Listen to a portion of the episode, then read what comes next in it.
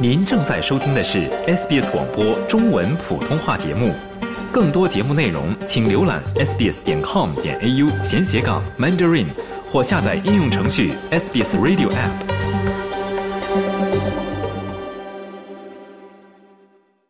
从法律角度看待社会现象，以专家意见指点生活迷津。请听现场说法。现场说法，您了解法律。咨询问题的空间。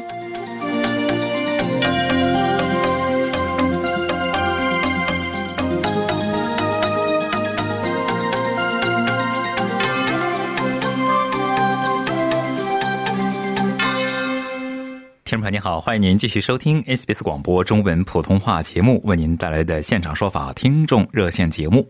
近期的留学生返澳学习，租房困难，买房呢成为一些人的选择。在今天的现场说法听众热线节目中呢，我们邀请奥斯洛奥和绿业管理合伙人林慧敏律师和您聊一聊留学生在澳买房的话题。欢迎听众朋友拨打热线电话一三零零七九九三二三一三零零七九九三二三参与节目咨询法律问题。首先来连线本期节目嘉宾林律师，您早。早上好，俊杰，听众朋友们好。非常谢谢林律师做客我们的节目哈。林律师，我们看到留学生返澳学习之后呢，租房是一大难题哈。一些留学生呢，或者是留学生的家人呢，会选择在澳大利亚买房。就是首先，我想请问您一下，大致来说，留学生或留学生的父母一定可以在澳买房吗？好的，谢谢您的问题。我想这个问题听众朋友非常关注的。啊呃，我们把这个房啊分为两类，一类新房，一类二手房。嗯，啊，我们来分析一下。如果是新房的话，大家可以记住以下几个：无论一，无论您是否有签证，就就算你没有澳洲签证，你也可以买，这第一个无论。第二个无论，无论你是否是买过来是自住还是投资，没有这个目标性，没有这个呃目的性的这个限制，你可以自住也可以投资，这第二个无论。第三个无论。无论你的签证到期与否，或者无论你是否来过澳洲，你都可以长期的持有或者进行传承。也就是说，我持有一个拥有一个澳洲的物业，跟我本身的签证是无关的。假设我从来没有来过澳洲，或者我现在在澳洲，但是我未来离开了，我也再不回来了，我一样可以永久的去持有澳洲的这个物业。这是新房的这个好处。哎，我们听下来感觉哎。这个限制特别少，也特别鼓励这个留学生或者他们的海外呃人父母来买房，这是新房的这个好处。那当然有一个限制啊，就是要通过这个外国投资审查委员会，也就是我们说的 Foreign Investment Review Board 的申请。那么一百万以下的这个物业房价一百万以下的物业的申请费呢，现在是一万三千两百澳币。那么原则上呢，政府呢会去审批，那么这个资金购买这个物业啊，对于整个国家经济安全所带来的影响。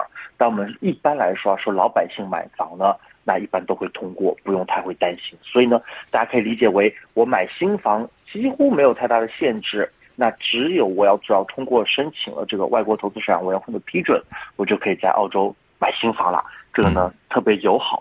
那么。当然，反之，买二手房是另外一种房屋类型，可能限制就比较多了。呃，首先呢，我需要有让我连续超过十二个月居留在澳洲的以上这个月份的签证，比如说留学生签证啊、陪读签证啊、工作签证啊。要注意，旅游签是完全不可以的，因为旅游签呢，原则上一次性逗留呢，只能。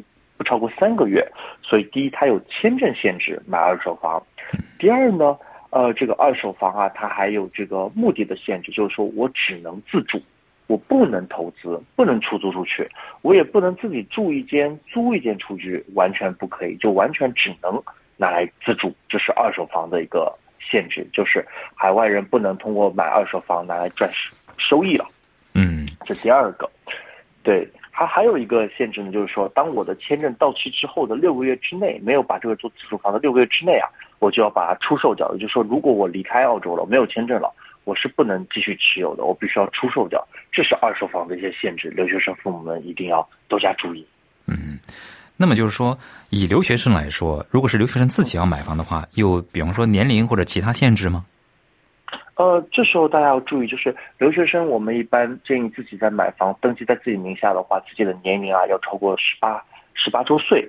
啊，那个因为年龄比较小，那这时候如果签字的话，他可能是没有完全的民事行为能力人的对的这个呃资格的。那这样的话，他的合同呢很有可能被推翻。啊，开发商或者卖家呢也不一定这么对这样的合同呢比较友好。所以呢，在登记的时候，我们一般会建议留学生啊是成年人，然后再登记在他的名下。嗯，以前呢，您也给我们介绍过，这是留学生，呃，或者留学生的父母买房放在谁的名下更划算，或者是有哪些优点跟缺点，还给我们介绍过，对吧？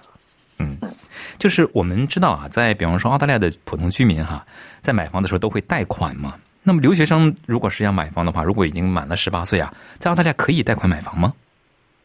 呃，贷款买房，如果留学生已经满了十八岁的话，那他有两个选择啊。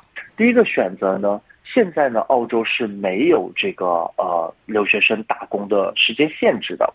呃，在去年年初或前年的时候，依然会有两周四十个工作小时的限制，留学生才能打工。那么，当然贷款一方面就取决于我们打工的收入的工资单嘛。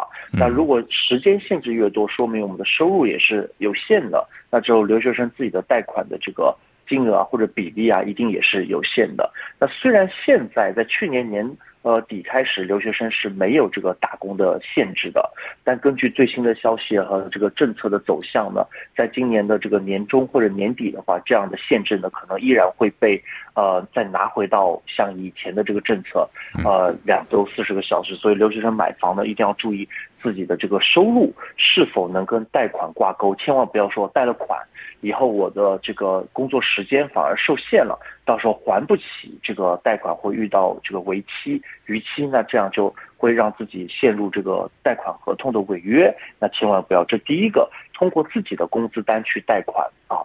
那第二个呢是让父母作为这个担保人，用父母的海外收入去进行这个贷款。那这时候呢，可能需要用到一些海外贷款产品，可能利率啊或者贷款申请的费用啊会高一些。那所以这两个呢，大家都看到，哎，不是都是非常十全十美的一些贷款产品或者方式。所以留学生在呃用自己的名字或者用海外父母的名字买房的时候，一定要注意这些贷款产品当中的一些可能的这个我们带引号的一些法律的坑啊，一定要注意，然后再去呃签署贷款合同，因为毕竟是一个几十万的债。对，如果是与这个澳大利亚普通的民众来相比的话。留学生买房，他需要额外，比方说缴纳哪些费用吗？嗯，是的，我们来给大家梳理一下啊。我们以这个最近大家都非常受关注的这个二零四二年的奥林匹克的运动会的举办城市布里斯班为例啊。那么布里斯班现在买一个二手房，呃，或者新房的一个两房到三房的一个公寓啊，大概可能在八十万澳币，这是它现在大概一个中间价。嗯，那么我们以它为例子的话。首先，就像我们刚才讲到的，我们要申请那个啊海外投资审查委员会 FRB 的批准。那么一百万以下的物业的 FRB 申请费是一万三千两百澳币，那是第一笔钱了。那么第二笔钱呢，就是我们说的这个印花税。呃，我们买房呢会产生一定的这个印花税。那么如果海外人购买的话，印花税大概是在十到十一个点左右总额。房价的总额十到十一个点左右，那么这里以八十万为例的话，算出来是七万六左右，七万六千八百五，啊，这个金额是它的印花税。那么此外呢，还有我们去不动产登记中心登记我们的产权会产生的政府收取的一个产权注册费，八十万的澳币呃的物业的话，那注册费是在两千三左右。那么律还有额外的律师费，帮助解呃试合同啊，做登记啊，是一万五左右。那么这里总共加起来的话，大家会看到大概是在八万五到九万的一个除了房价以外的一个费用。那因此呢，大家就要多准备百分之十一到百分之十二的一个预算，来帮留学生作为海外人士完成在澳洲昆士兰州的一个职业了。嗯，其实里面主要的最大的差别就是这个印花税方面的差别比较大，对吧？是的，这个是占很大的一个比例。如果这个房产已经购买成功了，交割之后，是不是说这个房产每年的维护或者是市政费用跟普通的民众持有的这个是差不多的呢？哦，对，我们除了土地税，其他的比如说物业管理费啊，大楼收的物业管理费啊，政府收的市政费啊，政府收的污水费啊，这些就不分海外人还是本地人了，这是比较友好的。但土地税呢，大家要注意一下，如果是自住房的话。那么原则上是没有土地税的。嗯，如果是投资房的话，在我们还是以刚才说到布里斯班八十万澳币为例，如果是投资房的话，如果投资房的土地价值本身超过六十万，不是土地跟建筑加起来啊，我们说的刚才八十万是土地跟建筑全部加起来，那如果是土地本身超过六十万的话，那这个总额可能要一百一、一百二以上。那这种情况下的话，那么政府会再收取一笔土地税。那当然，自住的话就免土地税了。投资房的土地价值超过六十万会收土地税。那这个的细节和计算的话，大家一定要在签购房合同这么大的一笔投资的一个付款的之前啊，一定要让律师啊为您精确的算过每一笔的开销之后的维护以及税务，再做一定的签字的决定。非常感谢林慧敏律师的介绍哈，听众朋友，欢迎您继续拨打热线电话一三零零七九九三二三一三零零七九九三二三参与节目咨询法律问题。接下来我们接听听众电话，这位是谢女士，谢女士您好。哦，你好，主持人。你好。你好。你好。我想问一下这关于法律对房子的事儿哈，呃，我是当地的居民，我想问一下，如果我我有一个房自住房。那等就等我百年以后，我的房子会自动转给孩孩子吗？我就有一个女儿。哎，好的，谢您的问题。您的问题呃是关于遗嘱法的这个问题哦。那么，如分为两种情况，第一种是您有遗嘱，有遗嘱的情况下，就会按照您的在生前的最后一份遗嘱的意愿进行这个呃继承，这第一种情况有遗嘱。第二种情况。没有遗嘱，没有遗嘱，他那在澳洲呢就根据法定继承来。法定继承的第一顺位呢是您的配偶，然后第一配偶跟孩子，然后第二个顺位如果配偶孩子他们也不在世的话，那会到达自己的父母。自己的父母如果也不在世，那会到达自己的兄弟姐妹。那有时候在您的案件当中，如果您刚才跟我表达过您的家庭成员现在是孩子的话，那么没有遗嘱的情况下，那么在您百年之后呢，您的第一顺位的继承人就是您的孩子，他呢会去继承您的名下的这个不动产的房子的物业。嗯，谢女士有解答您的问题吗？呃，另外还问一下，如果反反过来，如果孩子的这个房有也自己也有房，如果他比如有什么意外或出什么事的话，那他的房产也会。自动转给我吗？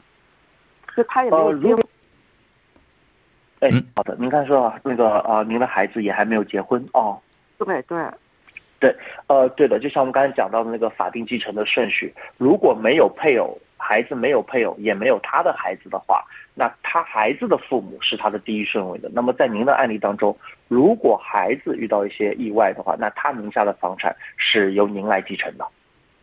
啊，如果要是有有结婚了，就是她的丈夫算第一继承人是吗？哎，是的，除非她有遗嘱，有遗嘱就可以改变这样的继承的顺序了。哦，好的好的，那我知道。那要是她有遗嘱，比如是给我，然后我就算第一继承人了，对吧？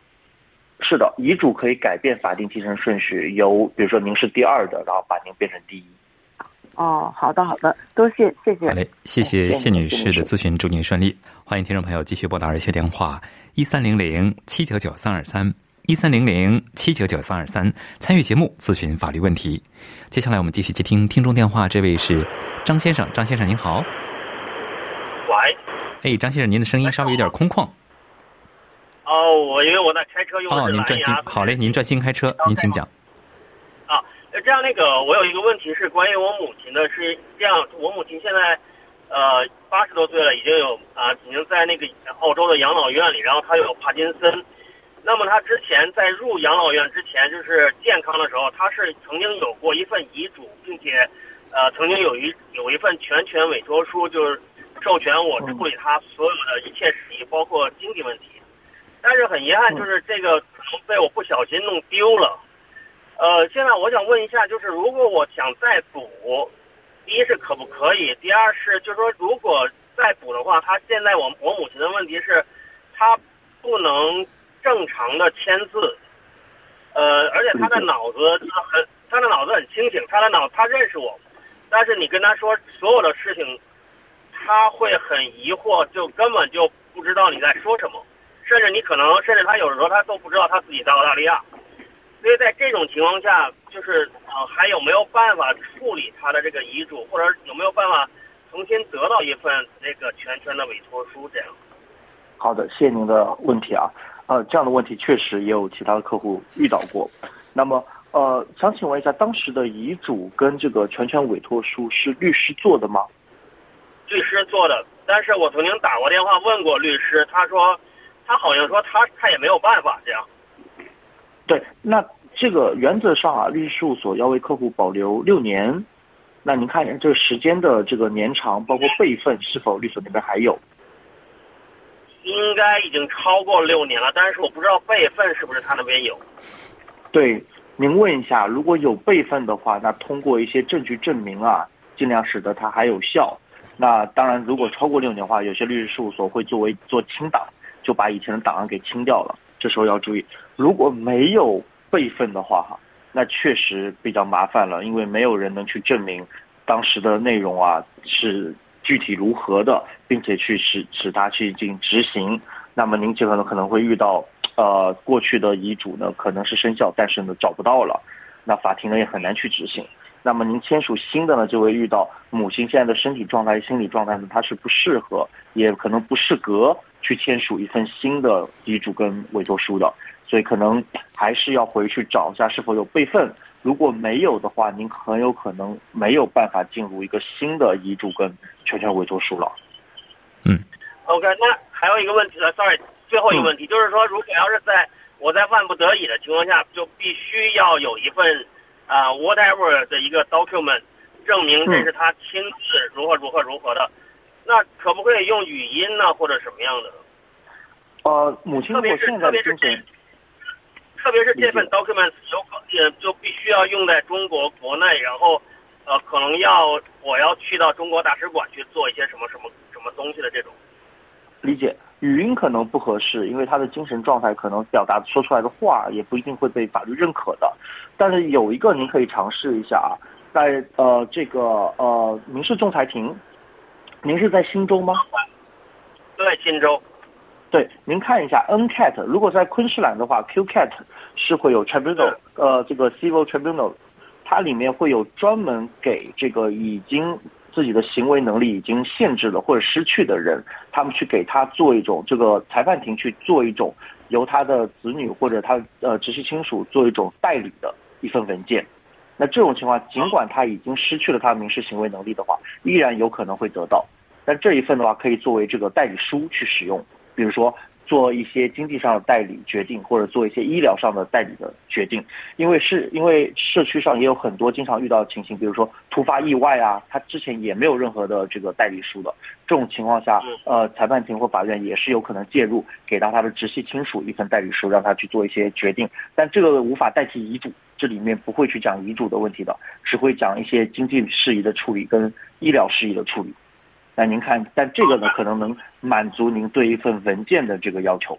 嗯，对对，我也觉得是。好，谢谢您啊。谢谢张先生咨询，祝您顺利。嗯。那么接下来我们继续接听听众电话，这位是谢先生，谢先生您好。哎，你好。哎，您好，您讲，您请讲。我想询问这个类似一个签证的问题。我呢，签证是永久居民的签证，然后呢是。五年五年连续已经已经熟了大概二十二十年了，然后呢就是上个是最尾一个签证呢就是二零二二年的那个十一月二十五号到期，到期呢我就没当时是因为那个 nineteen coffee 所以没想出去，就没有去赎，但是现在呢要去准备要回去。呃，那要去赎怎么办？哦，我明白了。那您现在二零二二年十一月二十五号到期之后，到现在都是在澳洲对吗？都没出去。哦，都是在澳洲。好的，然后您现在对对对，对您担心离境之后回来到签证呃回来的问题。OK，好的。不是，那现在要出去离出去中大陆，那要签证怎么办？对，是的，呃。首先呢，呃，您的是中国护照，或者是在您的目的地国的护照，那您可以去入境。对于您的目的地国，您完全可以去入境。那您回来的时候呢，可能会遇到一些问题，因为您的现在的签证呢，在二零二二年十月二十五号已经到期了。但是呢，你过往是一直生活在澳洲的。那我认为您再去续期一个幺五五签证呢，问题是不大的。呃，几个原因：一，您过去几年长期二十多年长期生活在澳洲，跟澳洲本地的连接是很强的。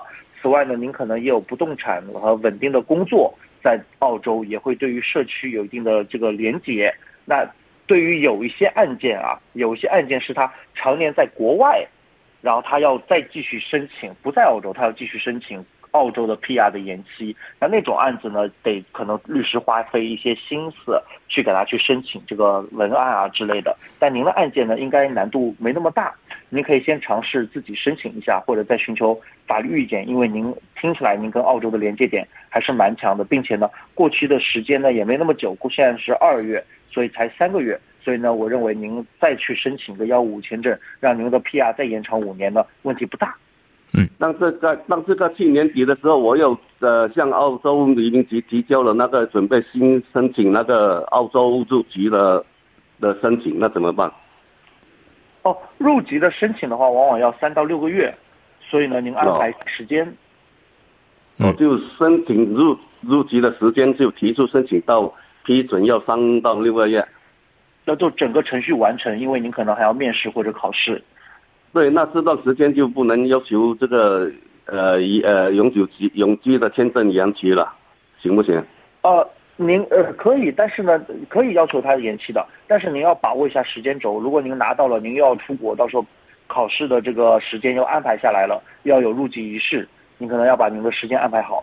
或者呢，就是等到您拿到澳洲护照了，再去申请前往目的地国家的签证，比如说去中国的签证，那这样又是另一种签证安排了。所以，所以您您俩还有一个问题，就我改了名，我改了名字有没有影响？这段时间我改了名字。呃，改了名字，您要向这个移民局去补充说明，这个改了名字后的人跟改名字前的是您同一个人啊，不然他们可能不知道。对啊，有啊有。这样到不知道又问您哦，有的话那您有提供啊，对，哦，对，有提供啊，不用担心的，那不用担心的，这只是正常的这个法律行为。哦，那是没影响吧？呃，没影响，您有这个 name change certificate 就可以了。哦，OK，谢谢律师哈，谢谢谢先生，祝您顺利。谢谢。接下来我们继续接听听众电话，这位是林先生，林先生您好。喂，哎，是您，您请讲，您好。好，我想请请教律师啊一个问题，我一个朋友啊，前几年他移民到澳洲来，他的儿子的话到这里来找工作。经过几年的工作，他各方面英语啊程度有很大的提高，但是呢，在口语上表达上面可能还有一些存在一些困难。他工作很努力，原来的老板呢蛮蛮欣赏他，所以说一直叫他好好工作，他也工作的很好。那么最近呢，情况有所变化，因为他的公司的话，跟其他公司并掉了，并掉了以后的话，老板嘛是另外安排工作了，不在这个系统里面了。那么现在他在这单位里面呢，派了一个新的孟雪来，但是孟雪来呀，实在是很粗暴。上班时间老是骂人，呃，监督人家工作，一切都要按照他的指示来做。你稍微有一点不一样做法，他就就就很很粗鲁的骂。所以说，在这里来了以后，除了这个孩子之外，还有其他的当地的澳洲人或者其他地方移民到这里来，所以说受不了，人员经常。做做刚没做多久就就走了，就不愿意在这里做了。嗯，所以这个情况的话，已经延续了一段时间了。那么最近呢，可能呢，有很多人呢向有关部门反映提意见，所以说他们呢某一些管理管理人员呢，曾经想呢进一步了解一下，到这个单位呢想了解一下，就找了这个孩子，叫他提供一些情况，因为他在这已经工作了相当一段时间了嘛。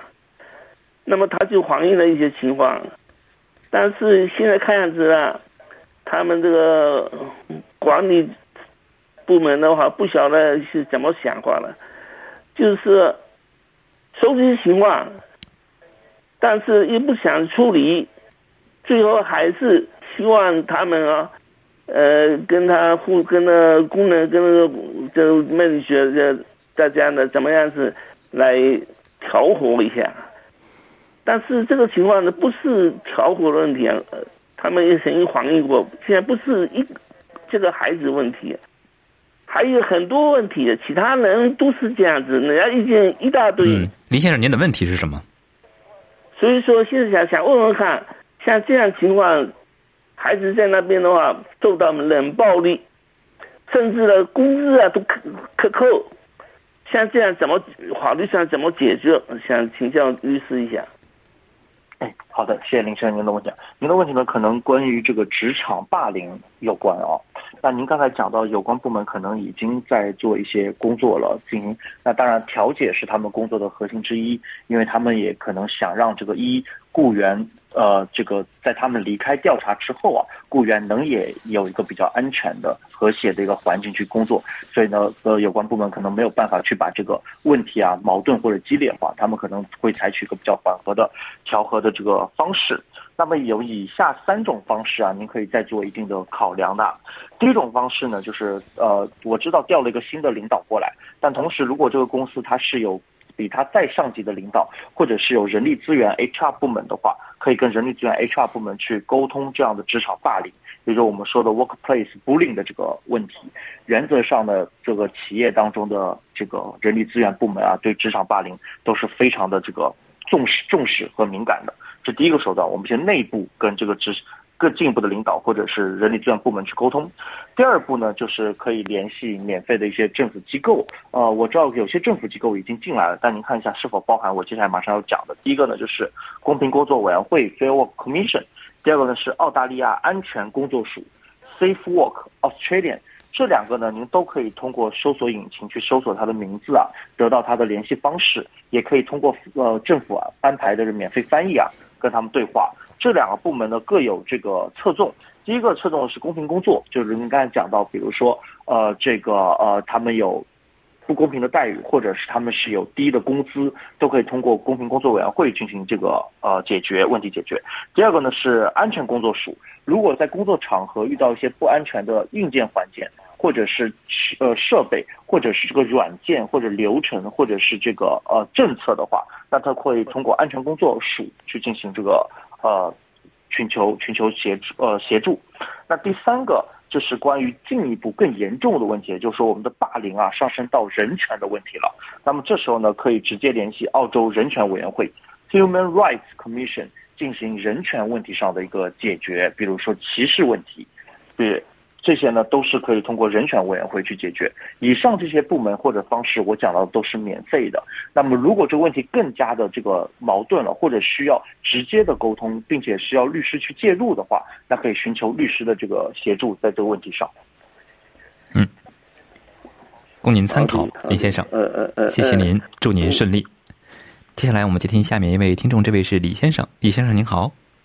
呃，早上好。啊，想问一下这个呃林律师，这个有一个问题是，我朋友问，嗯，啊，其实离婚已经离了，但是呢，在孩子的监护权上面，呃，还没有任何的进展，然后在财产分割上面也没有进展。我想问一下，如果离婚已经离了，离婚的那个离婚证已经拿到了之后，就是法院的那个 order 已经拿到了之后，嗯，那如果一直没有进展？嗯，一直等过了一年之后会是什么情况？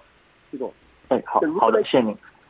一年谢谢您的问题。一年之后是什么情况？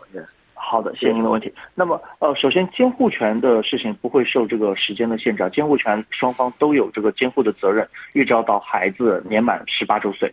啊，并且就算有了抚养协议，可能也会随着孩子的这个成长或者双方的这个父母家庭的变化，去修改这抚养协议的一些细节，这都是比较常见的。因为整个孩子的成长周期可能有十八周岁，这是第一个关于监护权的。你讲到说离婚之后一年之内的处理方式，啊，他可能不受这个一年的这么大的限制，因为情况一直在变化，孩子也在成长。那么财产确实是个问题。那么呃，家庭法院呢鼓励说离婚之后的一年之内呢，要完成或者提出这个家庭法的这个财产的诉讼。那么如果一年之后再提的话，您可能要先向家庭法院去说明为什么一年之内没有去提出，啊，先要先说明这个理由，才能递交一个呃申请，才能开始走程序。所以会比一年之内的多一道程序，就是我们要先去先去做这个呃解释。那么之后呢？呃，如果一年之后呢，你也就是您会面临更多的这个成本去解释这个程序。那此外，一年之后呢，呃，财产呢，您可可能可以先通过这个和解跟这个先太太啊进行一个达成。如果和解不成，可能进行调解或者诉讼。好嘞，由于时间关系，今天呢就先接听到这儿了。非常感谢林慧敏律师做客今天的现场说法听众热线节目。因个人情况因人而异，法律问题复杂，本节目仅供一般性参考，并无意提供任何个案法律建议。喜欢、分享、评论，欢迎您在 Facebook 上关注 SBS 普通话页面。